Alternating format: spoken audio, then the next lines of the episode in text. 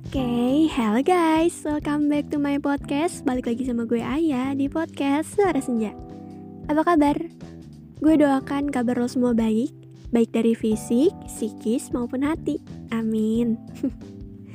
Kalau lo memiliki hari yang buruk hari ini Bukan berarti lo akan memiliki hari-hari buruk selanjutnya.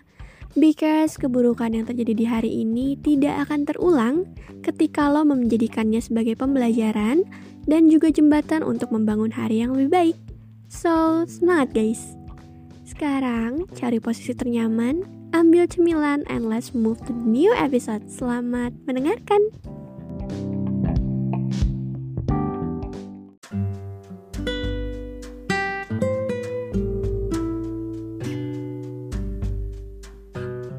Hello, welcome back everyone. Oke, okay, first of all, sebelum mulai ke podcast, gue mau disclaimer dulu bahwa podcast ini tidak pernah bermaksud menyudutkan siapa pun, merendahkan siapa pun, atau bahkan meninggikan siapa pun.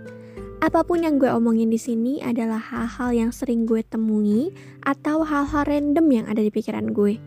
Dan gue sendiri tidak ada niat mendoktrin siapa pun untuk ikut menyetujui apa yang gue sampaikan di sini. Bijaklah dalam mendengarkan podcast ini, kalau ada yang negatif jangan disetujui, dan kalau ada yang positif boleh dijadikan referensi. Jika ada hal-hal negatif yang terjadi setelah mendengar podcast ini dan hal-hal barusan yang sudah gue sampaikan, sudah bisa ditetapkan bahwa itu di luar tanggung jawab gue guys. So, thank you so much. Selamat mendengarkan.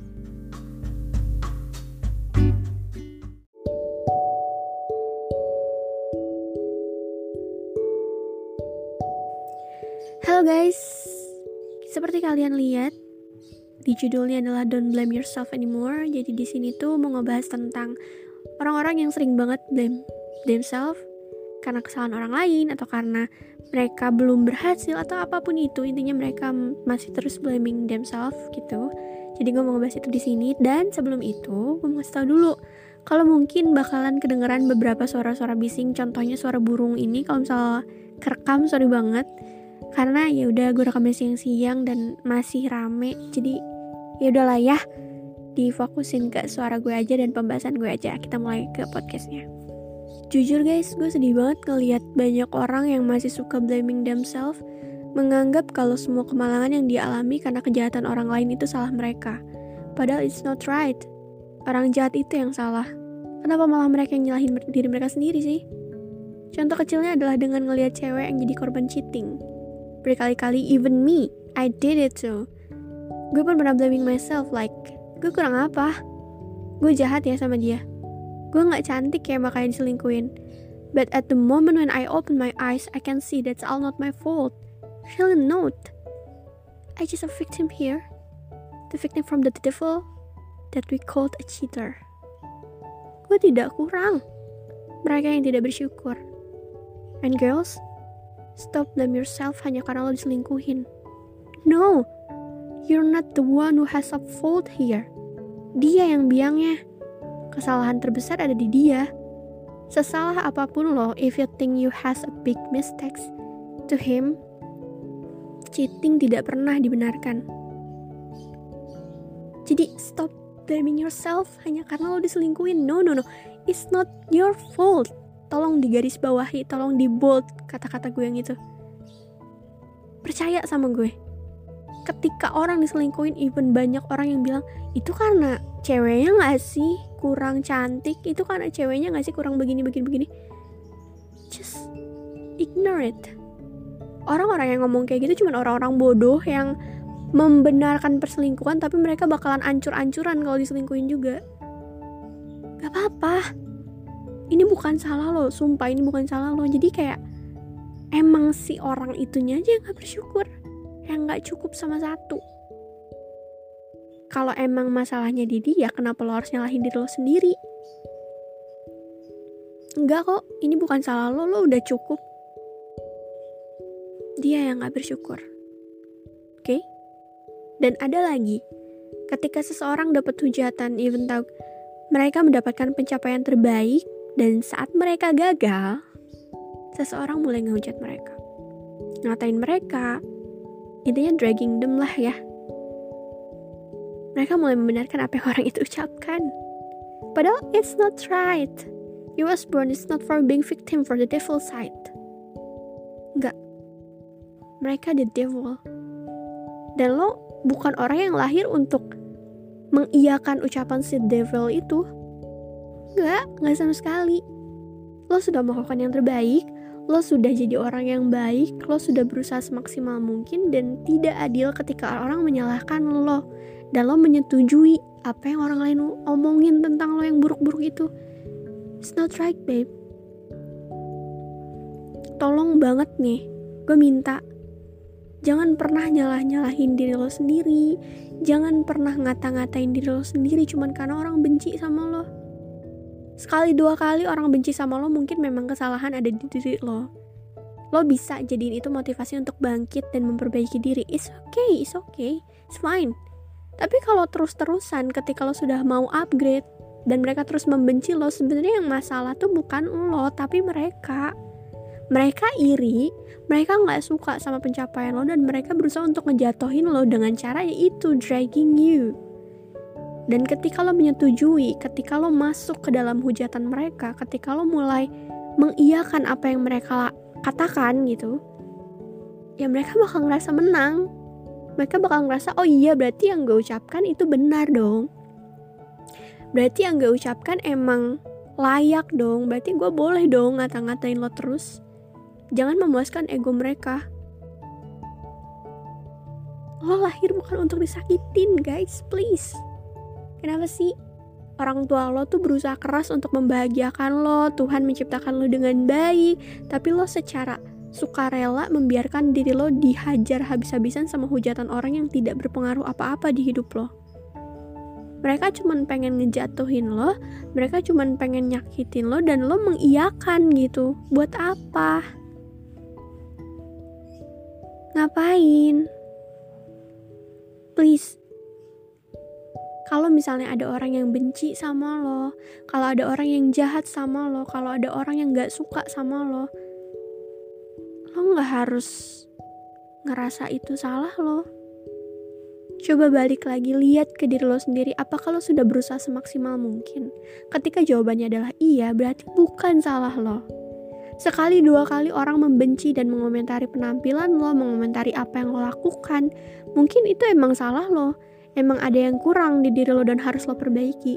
Tapi ketika sudah berkali-kali dia lakukan hal yang sama, bahkan ketika lo sudah berusaha keras untuk berubah, yang jadi masalah ada diri mereka sendiri.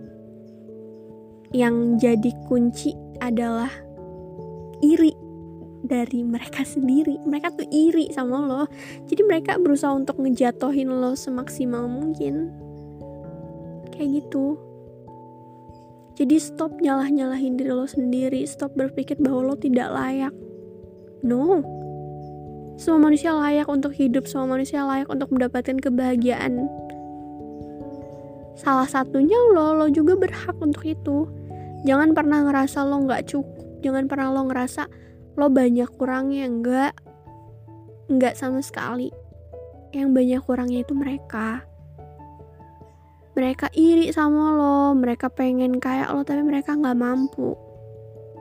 And it's not your fault. Bener kan? Jadi gue nggak suka nih gue nggak mau banget ada orang-orang yang terus-terusan nyalahin diri mereka sendiri. Apalagi untuk cewek-cewek nih. Kayak mulai ngerusak diri mereka sendiri after cheating kayak gitu. Jadi korban cheating maksudnya rusak diri mereka sendiri mulai clubbing drugs drunks kayak gitu. Gue nggak akan so suci di sini ya dengan bilang nggak boleh itu dosa. Enggak gue nggak akan bilang kayak gitu. Tapi lebih ke lo ngerasa puas gak setelah ngelakuin itu? Lo drunks nih lo malam ini drunks apakah paginya masalah lo hilang? Apakah paginya rasa sakit yang lo pendam itu hilang? Enggak kan ya udah lo cuman kayak senang-senang di malam itu doang. Lo lupa di malam itu doang tapi paginya lo ngerasain itu lagi kan? Lo smoking. Ya kalau smoking mah ya udahlah ya. Udah nggak aneh juga gitu. Drunk sih lebih ke drunk sama clubbing gitu. Apakah dengan melakukan hal itu paginya lo tuh bakalan baik-baik aja? Enggak kan? Masih sama kan?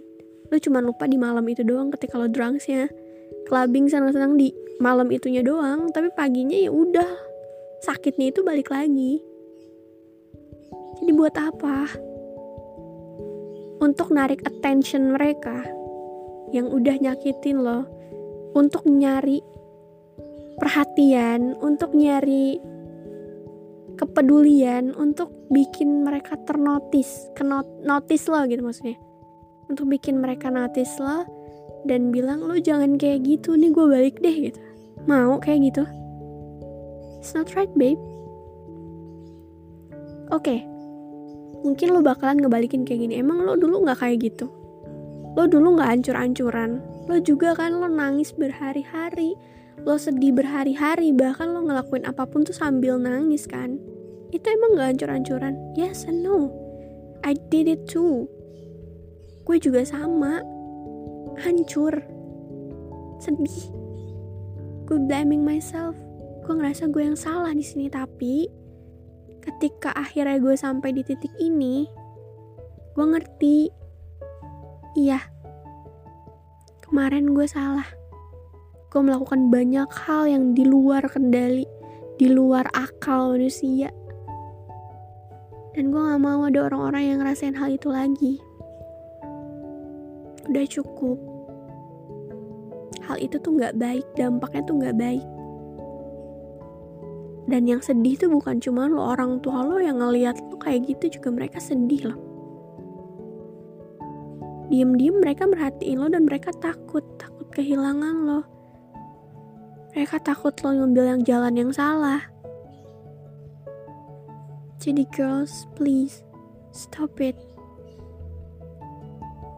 Gue tahu rasanya sakit kalau jadi korban cheating tuh gue tahu rasanya sakit. Tapi stop blaming yourself. Stop nyakitin diri lo sendiri sekarang. Coba cari kegiatan yang menurut lo positif yang bisa bikin lo sibuk. Kalau lo bilang, udah gue udah coba tapi tetap aja gue gak bisa lupa. Cari lagi yang lain gue juga sama gue juga ngalamin kok yang namanya ada di posisi terpuruk udah berusaha ngelakuin sesuatu yang bisa ngalihin perhatian gue main ke sana sini terus ngelakuin kegiatan yang bener-bener nyibukin diri gue. Tapi ya at the same time gue juga pasti bakalan ngerasa kangen sama dia dan sakitnya itu balik lagi. Itu karena di hati gue tuh ya masih ada orang itu. Gue masih menyimpan dia di titik paling tinggi gitu loh. Di hati gue di posisi tertinggi. Ya makanya akhirnya mau gimana pun gue berusaha gue gak akan bisa lupa ketika dia masih jadi peran utamanya. Nah kuncinya adalah di lo. Kalau lo beneran mau lupa sama dia mau udah lepas dari dia hapus dia pelan-pelan dari pikiran lo dari hati lo. Jangan naro benci deh. Justru semakin kita benci semakin kita susah buat lupa susah buat ikhlas. Lebih ke ya udah. Dia bukan jalan lo dia bukan tempat di mana lo harus berlabuh gitu. Jadi ya udah. Ya udah aja. Lepasin pelan pelan itu sih kunci utamanya. Gue sering banget bilang tips move on tuh ya udah. Lo jalanin waktu lo dengan baik nikmatin nanti juga akan ada saatnya lo move on. Cuman yang bikin gue kesel adalah orang-orang selalu bilang kan tapi lama kapan? Gue bisa move onnya kapan? Itu tergantung diri lo sendiri. Semuanya butuh waktu main nggak lo bilang sekarang nih lo udah berusaha terus hari ini lo harus move on. Enggak semua butuh waktu gila. Gue juga sebel banget kalau ngedengar omongan kayak gitu asli deh. Setiap nanya tips support kayak, kayak eh, tips move on menurut lo kayak gimana? Gue udah kasih tahu nih tips move on kayak gini. Tapi pasti bakalan ada orang yang bilang ah gue udah coba tapi gue tetap aja nggak bisa move on ya itu karena lo nya nyobanya setengah-setengah. Lo masih nggak yakin kalau bisa move on. Karena gue juga dulu kayak gitu terus denial denial denial. Sampai akhirnya ada di fase di mana gue ngelihat si orang itu gue ngerasa kayak ih kok gue pernah mau sih sama dia? Gitu. Dan like ih ini serius gue pernah nangisin orang kayak gini? Gitu. Dan di fase itu tuh butuh waktu selama empat bulan kayaknya kalau gue empat bulan gue ngeliat dia tuh udah beneran yang biasa aja. Gue nggak benci nggak jijik nggak yang sayang juga nggak yang suka. Jadi udah biasa aja flat gitu. Butuh 4 bulan. Dan selama dua, dua bulan proses proses untuk lupain dia itu dua bulan gue ancur-ancuran nah dua bulan kemudian gue mulai nata hidup gue lagi dengan ikut kegiatan kayak volunteer terus gue mulai fokus untuk bikin jurnal tentang apa yang mau gue lakuin resolusi gue ke depannya kayak gimana. Terus juga gue mulai nyari sesuatu yang bisa gue jadiin hobi kayak nge-K-pop. Gue balik lagi nge-K-pop gue nontonin MV MV nya cowok-cowok K-pop gue gue mulai nontonin variety show-nya mereka gue nontonin konten-kontennya mereka terus gue interaksi sama fans-fans mereka juga at the group gitu loh kayak ada grup chatnya gitu.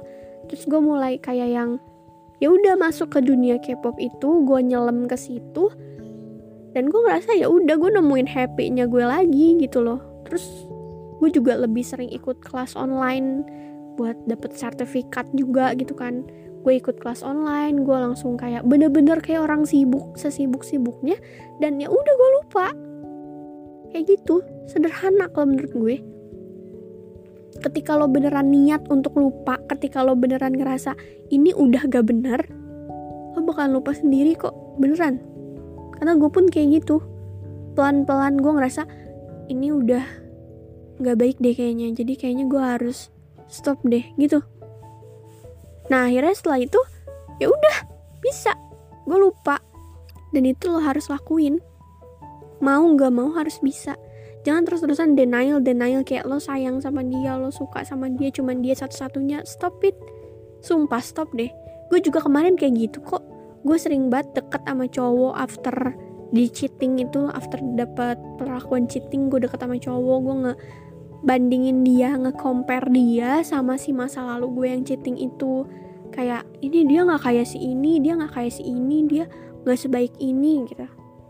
Jadi percuma kalau belum move on terus lo berusaha untuk mulai sama orang baru. Dan gue nggak percaya sama omongan move on itu bisa dilakuin dibantu sama orang lain. Nggak gue nggak percaya faktanya enggak gue move on bisa sendiri. Gue nggak ditemenin sama siapa pun. Gue nggak butuh cowok bukan gue gak butuh cowok ya. Gue nggak butuh cowok untuk gue move on gitu loh. Jadi kayak gue bakalan memulai satu hubungan ketika gue udah selesai bener-bener selesai sama semuanya.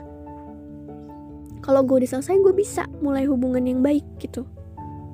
Nah sekarang gue sudah selesai. Kalau kemarin-kemarin belum makanya gue mau deket sama siapa pun itu mau seoke apa pun bentukannya si cowok ya kalau di hati gue masih ada masa lalu gue ya percuma. Kayak gitu guys. Jadi apa pun yang terjadi ketika ada orang yang benci sama lo ketika ada orang yang jahat sama lo itu bukan salah lo. Itu bukan hal yang harus lo sesali hal yang harus lo sedih-sedihin. Enggak enggak harus. Karena percaya sama gue itu bukan salah lo. Itu bukan kehendak lo juga. Jadi mau kayak gimana pun mereka kalau lo sejahat apa pun mereka kalau lo ya udah. Itu emang masalahnya di diri mereka. Kayak gitu. Jadi oke okay kok. Kalau ada yang benci ya udah gitu. Cuman kalau misalnya orang ngerasa perlu perbaikan dari apa yang mereka omongin lo ngerasa mereka bener nih ya udah perbaikin diri lo. Tapi jangan terus-terusan ngerasa omongan mereka bener ketika lo sudah berusaha keras. Nggak semua hal yang orang lain komentarin tentang hidup kita tuh bener. Gak semua. Karena ada kalanya orang berkomentar cuman karena pengen ngejatohin kita doang. Kayak gitu. Jadi pinter-pinterlah memilah dan memilih komentar mana yang bisa membantu lo bangkit dan komentar mana yang harus lo abaikan. Kayak gitu guys. Agak sedikit ngalor ngidur juga pembahasan gue tadi tapi terima kasih ya sudah denger podcast ini sampai akhir maaf banget kalau misalnya agak bising-bising tadi tadi gue udah bilang kan ya di awal podcast so kayaknya segitu dulu deh podcast dari gue mungkin kita ketemu lagi di next podcast ya guys bye bye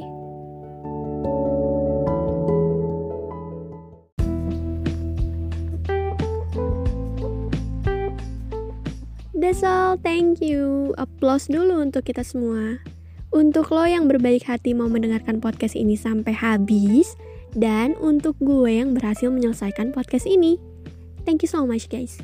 Untuk pembahasan yang sudah gue sampaikan tadi, mohon diambil sisi positifnya dan dibuang sisi negatifnya. Gue juga memohon maaf kalau ada kalimat yang menyinggung satu pihak, karena gue sama sekali tidak ada niat untuk melakukannya. Thank you and sorry guys. Oh iya, podcast gue akan upload setiap hari Sabtu menemani malam minggu kalian yang kelabu. Enggak dong, canda. Biar gak ketinggalan, lo bisa follow Suara Senja di Spotify dan aktifkan notifikasinya. Sekian dari gue, see you on the next podcast, manusia-manusia keren. Bye-bye.